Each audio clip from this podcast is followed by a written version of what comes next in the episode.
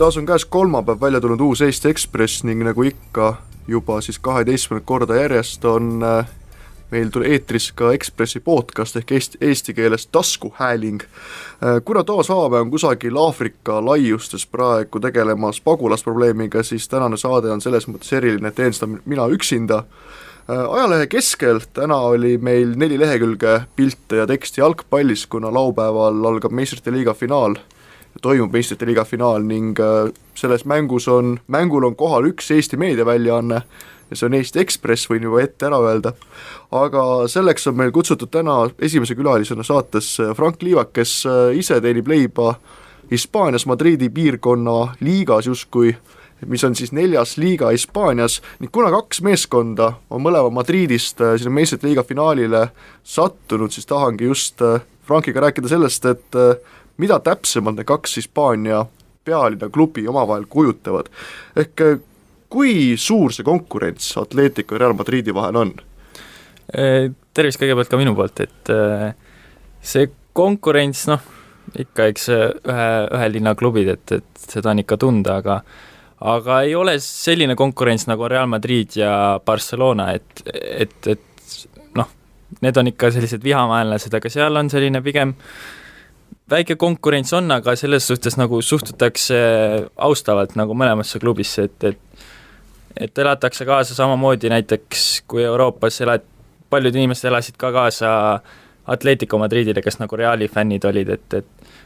et jah, nagu rivaalsust on, aga selles suhtes see on nagu kuidagi hoopis teistmoodi kui, kui Real Barcelona või siis Atletico Barcelona, et kas sa saad tuua näiteks, kui Real Bars-, Reali ja Barcelona mäng toimub Madridis, et äh, mis siis seal linnas toimub, kas kogu Madrid on siis põhimõtteliselt selle mängu peale ennast äh, fokusseerinud, jälgib seda või pigem ollakse siis äh, tegeletakse muude asjadega see mäng ei ole nii hull, nagu ta justkui meile siit kaugelt tundub või nii oluline? ei, see olukord on tegelikult veelgi hullem, kui, kui, kui siit niimoodi kaugelt tundub, et, et see on noh, staadion on üks asi, aga mis seal väljaspool nagu toimub, see on hoopis, hoopis teine maailm, et absoluutselt kõik klubid, väiksemadki baarid, kõik on puupesti inimesi täis, et et iga pubi, mis mängu näitab, siis ma arvan, selle kasumid see, see päev on nagu väga, väga suured, et, et absoluutselt igal pool sa näed inimesi kaasa elamas ja ja noh, kui sa linnas kõnnid ja ise nagu mängu ei jälgi, jälgi, aga Real värava näiteks lööb või siis Barcelona värav lööb, siis sa nagu meeleolust kindlasti saad aru, et midagi, midagi, midagi nagu toimub, et, et see on nagu, see on hästi müstika, et see on noh, elamus, elamus nagu omaette ehk siis kes jalgpalli ole jälginud, siis Real Madrid on justkui selline suur, kõige suurem klubi praktiliselt üldse Hispaanias, Atletico on selline pealinna justkui väiksem vend, kas see tähendab seda, et Atletico fännide jaoks on Real justkui suurem konkurent kui Real siis atle-, Reali jaoks Atletico omakorda? ehk Atletico fännidel on omakorda see, et Real, Realil ära panna, vaat see on nende jaoks eri, eriti mõnus selline saavutus. jah, see ongi täpselt nii, et et Real nagu, kuna nad on juba ajalooliselt kõige suurem klubi olnud Madridis ja nad on siiamaani ka number üks klubi Madridis pikk, noh, pika maaga nagu ees, et et siis nemad pigem keskenduvad jah, selle Barcelonale, et nemad noh, ei näe, näevadki täpselt Atleticut kui oma väiksemat venda. Ja, ja siis Atletico fännidel ongi täpselt seesama, et nemad tahavad nagu näidata, et meie oleme siin linnas number üks ja ja niimoodi need asjad ei käi. Äh, näiteks Lissabonis on, kus on väga tuline Benfica ja Sportingu võitlus, on on Benfica on justkui selline, kui mälu mind ei peta, keskklassi võistkond ja Sporting on siis justkui äh, töölisklassi võistkond. võtame näiteks äh, Glasgow meeskonna, kus Celtic on äh, katoliiklaste võistkond ja Rangers on siis protestantide võistkond, mis siis pa-, Rea-, Madridis Reali ja Atletico vahel, kas seal on ka mingisugust sellist äh, ühiskondlikku erisust fännidel või lihtsalt äh, mille järgi need fännid, äh, fännkonnad välja on kujunenud? no eks seal ole hästi palju nagu vahet just Reali ja Atletico mängustiilil, et üldse see, kuidas see klubi üles nagu ehitatud on, et Real on ikkagi selline kuninglik ja noh, iga, igas mõttes nagu ta, ta proovib seda välja paista, et see on kuninglik klubi, et mängijad on hästi suured, palgad on suured, raha on neil palju ja siis on Atletico just selline, kes nagu vastupidi, täiesti, täiesti vastupidine tiim, et, et neil, neil seda raha on vähem, aga neil, nemad just nagu tiimi ja töövaimuga saavutavad sedasama, mis nagu Real saavutab ilusa mängu ja, ja lihtsalt kvaliteediga. et et ma arvan, fännide poolest ongi just see, et äh, enamus fännid, kes nagu näe-, kes ta-, ise noh, võib-olla nad tahavad ise ka kuidagi ennast niimoodi kuninglikuna tunda siis või mm, -hmm. või et niimoodi, et nad lähevad staadionile, staadion on muidugi absoluutselt noh, tippklass, et see on nii vägev, et kui sa seal ise nagu sees oled, siis sa, siis sa tunned seda atmosfääri ja see on nagu, lähed kuhugi teise maailma, kui, kui sa seda mängu seal nagu vaatad. et võib-olla just see ongi, Atletico on siis pigem selline, ongi selline töökas ja nagu kõik on südamega seal mängivad. et otsesest vahet seal nagu fännidel ei ole, aga ikkagi ma arvan pigem, et see ongi selline mõned, kes nagu kui sa nagu rikkamaid vaatad, siis ma arvan, et paljud rikkamad on ikkagi Reali, Reali nagu fännid, et, et kui Atletico omad, aga sellist väga suurt vahet seal ei ole. kas ühes perekonnas võib olla siis niimoodi, et üks poeg on Reali fänn ja teine poeg on Atletico fänn ja mingit tüli ei ole justkui, et noh, et mõnes Inglismaa linnas näiteks sellist asja poleks võimalikki, et isa on näiteks toetab, ma ei tea, Evertoni ja poeg Liverpooli, et see oleks nagu mõeldamatu, aga Hispaanias on see võimalik jaa, mul on hea näide just, et meil klubi direktor on, on Äh, Eduardo Schneider, et ta vanasti mängis Real Madridist ja tal on kaks poega ja üks on siis Atletico noortes üles kasvanud ja teine on Reali noortes üles kasvanud. ja see, kes Atleticos üles kasvanud on, see mängib praegu ka meil ja ta on samamoodi Atletico poolt ja teine vend, kes siis Realis on üles kasvanud, on Reali poolt, et see on nagu noh, Madridi linnas see on nagu täitsa võimalik, aga oleks, et keegi Barcelona fänn oleks, see on juba noh, see on juba selline teine näide, et seda, seda nii tihti ei näe. Hispaania pealinnas on veel jalgpalliklubisid, on Rayo Vallecano, mis välja kukkus ja Getafe peaks ka praktiliselt olema seal kohe pealinna juures, et kas, mis siis nende roll on, kas nemad on siis lihtsalt selline väga pisikese kogukonna klubid või kas nendel üldse on sellist äh, mingitki mõju äh, Madridis või on see ainult Real, Reali Atletico linn? No eks jah, pigem, pigem need on ikkagi väikeklubid, et ma arvan, kui nad kuskil teises linnas oleks, oleks nad kindlasti suurklubid, aga Madridis on, on ain-, on ainult kaks klubi, et, et need väga, väga seal mängus kaasa ei löö. oled sa käinud äh, nendel Reali ja Atletico mängudel näiteks? ma olen jah, mõlemal, mõlemal mängul olen käinud. kas seal on mingit erinevust ka, et näiteks fännide poolest, et ühes elatakse tulisemalt kaasa või, või noh, Realil on olnud ju palju räägitud sellest, et et tahetakse saada just sellist ülemaailmset globaalset fännkonda kokku, kes maksab rohkem raha ning sellist nagu tavalist, tavalisi nii-öelda fänne, neid nagu pannakse kuhugi natuke staadioni kõrvale nurka, et need nagu mitte ette jääda, et kas on siis Reali fännid selles mõttes või staadioni meeleolu erinev näiteks Atletico omast? Staadioni meeleolu kindlasti on, et kuna Atletico staadion on ka natukene väiksem, siis seal ongi, on palju rohkem tulisemaid fänne, et see atmosfäär, mis nagu Atletico staadionil on, see on tegelikult mõnes mõttes palju võimsam kui, kui Reali oma, kui sa just vaatad seda publiku lärmi, mõla ja sellist asja, siis see on nagu palju palju, mõjub nagu palju rohkem see Atletica oma, aga Reali staadion ongi täpselt, et see on selline hästi suur klassi, klassiga staadion, et mm, -hmm. et, et sa, et sa lähed nagu sinna sisse, sul kukub nagu suu lahti, et et nii ilus asi on nagu püsti pandud ja inimesed nagu mängivad, et et Realil on ka see, et seal hästi palju turiste, kes nagu Madridi külastavad, on pigem, et pigem valivad nagu Reali mängu kui Atletico mängu mm. -hmm. et, et see võib-olla ongi see vahe, et äh, Atleticol on neid tu-, tulihingelisi fänne nagu rohkem ja kuna see on väiksem staadion, siis see tundub nagu, et et see, et see atmosfäär, mis publikult tuleb, on nagu suurem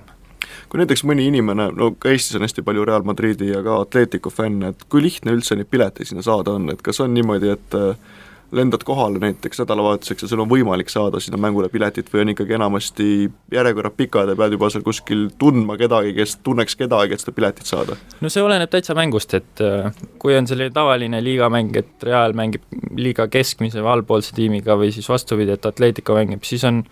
on piletid nagu täitsa olemas, et saad netist osta ja koha pealt isegi saad osta, aga aga nii, kui vähe tulisem andmine on, siis noh, pileteid on nagu väga raske saada mm. -hmm kumma poolt sa ise oled? mina olen äh, Reali fänn, Reali fänn. et ma olen väiksest, väiksest saati juba olnud, et siis kui Beckham, Figo, Ronaldod ja sellised nimed veel mm -hmm. olid, et, et siis ma olen sellest saati Reali fänn olnud. kuidas üldse sellesse Diego Simeonesse suhtutakse Hispaanias, et kui vaadata Reali ja Barcelona fänne, siis alati, kui mäng lõpeb, siis on, läheb see nutt lahti, et äh, mängitakse räpaselt, mängitakse justkui antijalgpalli, kas ta on siis selline nii-öelda Atletico justkui selline töömentaliteedi võrdkuju, et nagu sa ütlesid, et nende jaoks on see, et oleme väiksemad, teeme kõvasti tööd ja üritame sellega ennast üles saada, kas ta on justkui selline võrdkuju sellele Atletico mentaliteedile? ja see ongi täpselt see, mis nagu, ma arvan, mis nagu Reali fännid siis endas nagu tunnevad, et, et nemad mängivad seda ilusat jalgpalli, klassiga jalgpalli, et neil on kvaliteeti nagu palju rohkem ja siis tuleb nagu Atletico, kes mängib sellist lõhkuvat ja töökat jalgpalli, et see nagu Real Madrid ei mängiks kunagi sellist jalgpalli, sest nad on niivõrd no, suured juba ajaloost, ajaloost on noh, ajalooga on nii suureks saanud ja ja sellist mängu nad ei tohikski kunagi mängida. kunagi see Fabio Capello ju sules appa niimoodi, et võitis tiitli ja siis mängustiil oli kole, lihtsalt öeldi, et jah, no see noh, inimesed lähevad, lähevadki staadionile, nad lähevad Reali vaatama, et Real ründaks, et nad teeks ilusaid asju, mängijaid teeks ilusaid asju, et mängijad mängiks nagu publikule et seal on, mida vaadata ja siis Atleticul ongi täpselt see, et Atleticul on kõige tähtsam ongi see võit, et see jalgpall, kuidas nad seda mängivad või kuidas nad seda väravat löövad, et see nagu, sellel, sellel nagu vahet ei ole. aga noh, ma isiklikult eelistan ma ka ilusat jalgpalli, aga kui sa vaatad nagu Atletico tulemusi, siis sa ei saa Simonele ei, saa mitte midagi pahaks panna. millest see tuleb, et Hispaania jalgpall viimased kolm aastat on kõik Euroopa karikad võitnud? Miks, miks see Hispaania jalgpall praegu nii võimas on? koondis samal ajal on justkui hakkab natukene tagasi andma, et enam ei ole nii võimas, aga klubi jalgpall on täiesti meeletu. jah, no koondis on tõesti, et see oli, vahepeal oli ka koondis seal täitsa, täitsa domineeris kõike, aga aga ma arvan, et Hispaania liiga, et see on noh, kogu aeg selline tugev olnud, et seal on kõige suuremad nimed on ikkagi ajaloos ka Hispaania liigast nagu läbi käinud, et kui sa vaatad ka Ronaldinho ja sellised nimed, et, et seal nagu kogu aeg, kogu aeg on need suured nimed seal olnud ja ja noh, eks Real Madrid ja Barcelona, eks see noh, teised klubid kuidagi peavad ka järgi hakkama saama, et niisama ei ole mõtet ka seda jalgpalli mängida, et, et selles suhtes on, pingutavad ka teised klubid ja ja ma arvangi, et see on natukene ühtlasemaks muutnud selle, selle liiga, et, et, et et just need teised klubid, nad, nad peavad nagu midagi tegema, et Reali ja Barcelonale ja nüüd noh, Atleticule samamoodi nagu järgi jõuda, et, et kui sa praegust selle aasta seisu vaatad, siis on ka esimesed kolm on nagu pikalt ees ja siis tulevad alles kõik teised, et et mida, noh, midagi pead nagu muutma, et jalgpalli sa mängid ikka, et, et võita ja tiitlite peale, et, et niisama pole seda mõtet mängida. sa ütlesid enne, kui me mikrofonid tööle panime, et umbes äh, juuli lõpuni oled sa veel Eestis, et mis sul endal nüüd suvega plaanis on, kas järgmine aasta tuleb sul endiselt Alcobendases kaasa lüüa või on juba mingisugused muud ideed ka?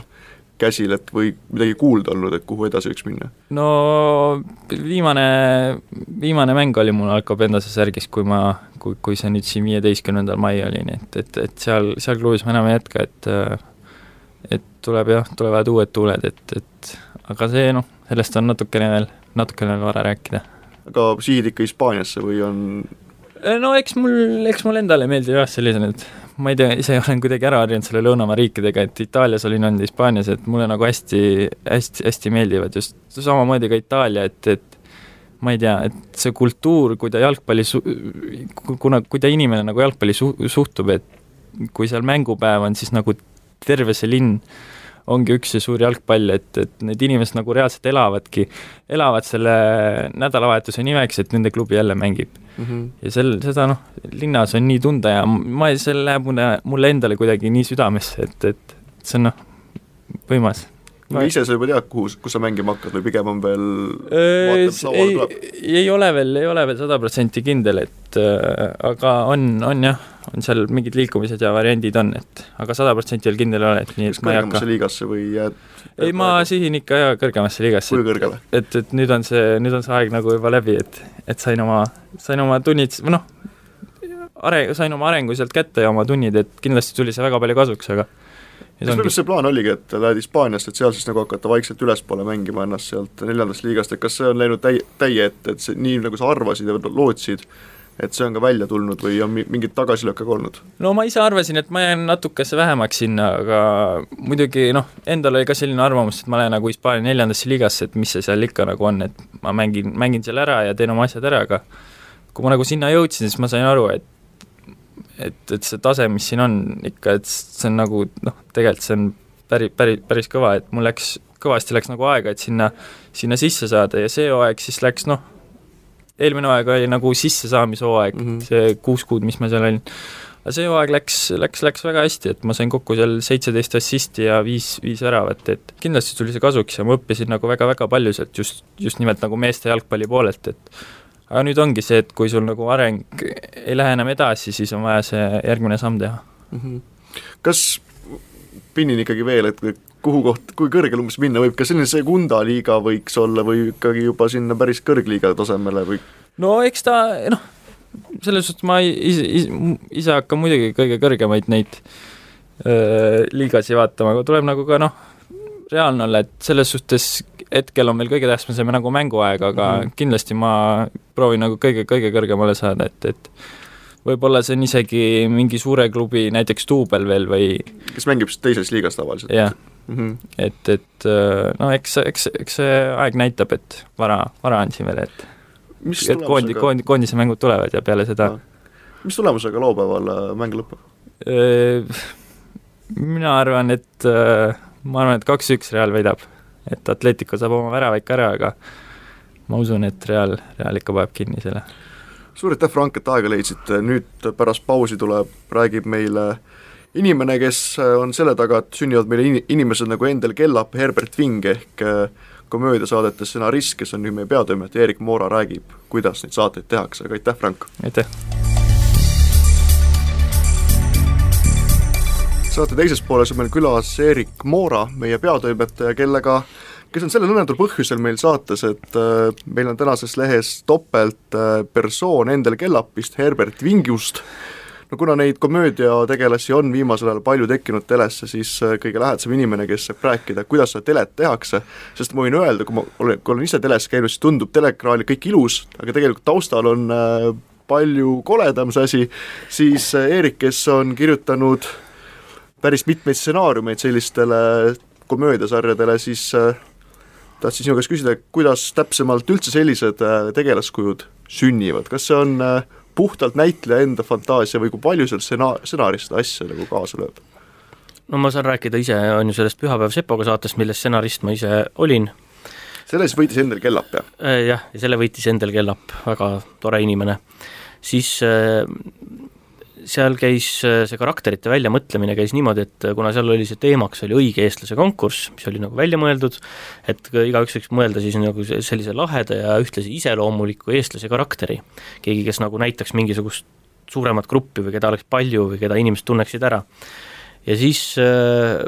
osatäitjad, näitlejad ise pakkusid öö, seda karakterit ka välja, mis nende arvates sobis, ja siis öö, kuri saatemeeskond Äh, eesotsas produtsentidega ja siis võib-olla minuga, vaatasime neid ähm, äh, välja pakutud asju ja mõned sobisid ja mõned ei sobinud, mõnedele pakkusime ise uusi asju asemele, et umbes ma arvan, pooleks laias laastus läks see, mis pakkusid näitlejad ise ja pooleks siis see, mis tuli äh, koos mõtlemise teel. ja Endel Kellap, võidukarakter, sellega oli siis niimoodi, et et see et äh, teda nagu väga ei tahetud alguses vastu võtta Ago käest, ta ei, ei olnud ka muidugi nii selge veel see tema piirjooned, vaid Agol oli ainult olemas see, et ta tahaks nagu olla niisugune heasüdamlik mees, kes lihtsalt nagu jaurab kuidagi, ja siis selle, nii-öelda selle Endli loo sinna ümber, siis see tuli nagu äh, hilisema mõtlemise käigus. kas näitlejad kui üsnagi suure egoga inimesed, kas teile traumeerivalt ei mõju see, kui ta tuleb ideega, et võiks teha sellise kuju, aga tuleb meeskonnatiim ütleb, et saatetiim ütleb, et kuule, et ei, see ikka päris ei ole see, et kas võtavad seda nagu südamesse ka vahepeal? ma ei usu. Ma arvan, et seda võetakse ikkagi, ikkagi kindlasti on igasuguseid inimesi, aga ma arvan, et seda üldiselt võetakse kui lihtsalt abi või kaasa, ongi, et sul on tore, kui sa oma ideid saad kellegagi põrgatada, vaatad, kas meeldib, kas süttib või mitte ja, ja mõnel juhul tuleb rohkem vaeva näha, et sütitada lihtsalt aga see, kui, kui äh, minnakse noh, komöödiasaates lava peale, kui palju seal on näiteks sellist improviseerimist ja kui palju on seal stsenaariumid, mis on nagu kindlalt, rangelt ette pandud? jah, ja see nüüd taolises saates äh, on see, oli see ka täpselt nii ja naa ja olenes karakterist. mõni karakter sai tegelasele nii omaseks, et praktiliselt ei pidanudki midagi ette kirjutama, et äh, me tegime hommikul noh, saatele eelnes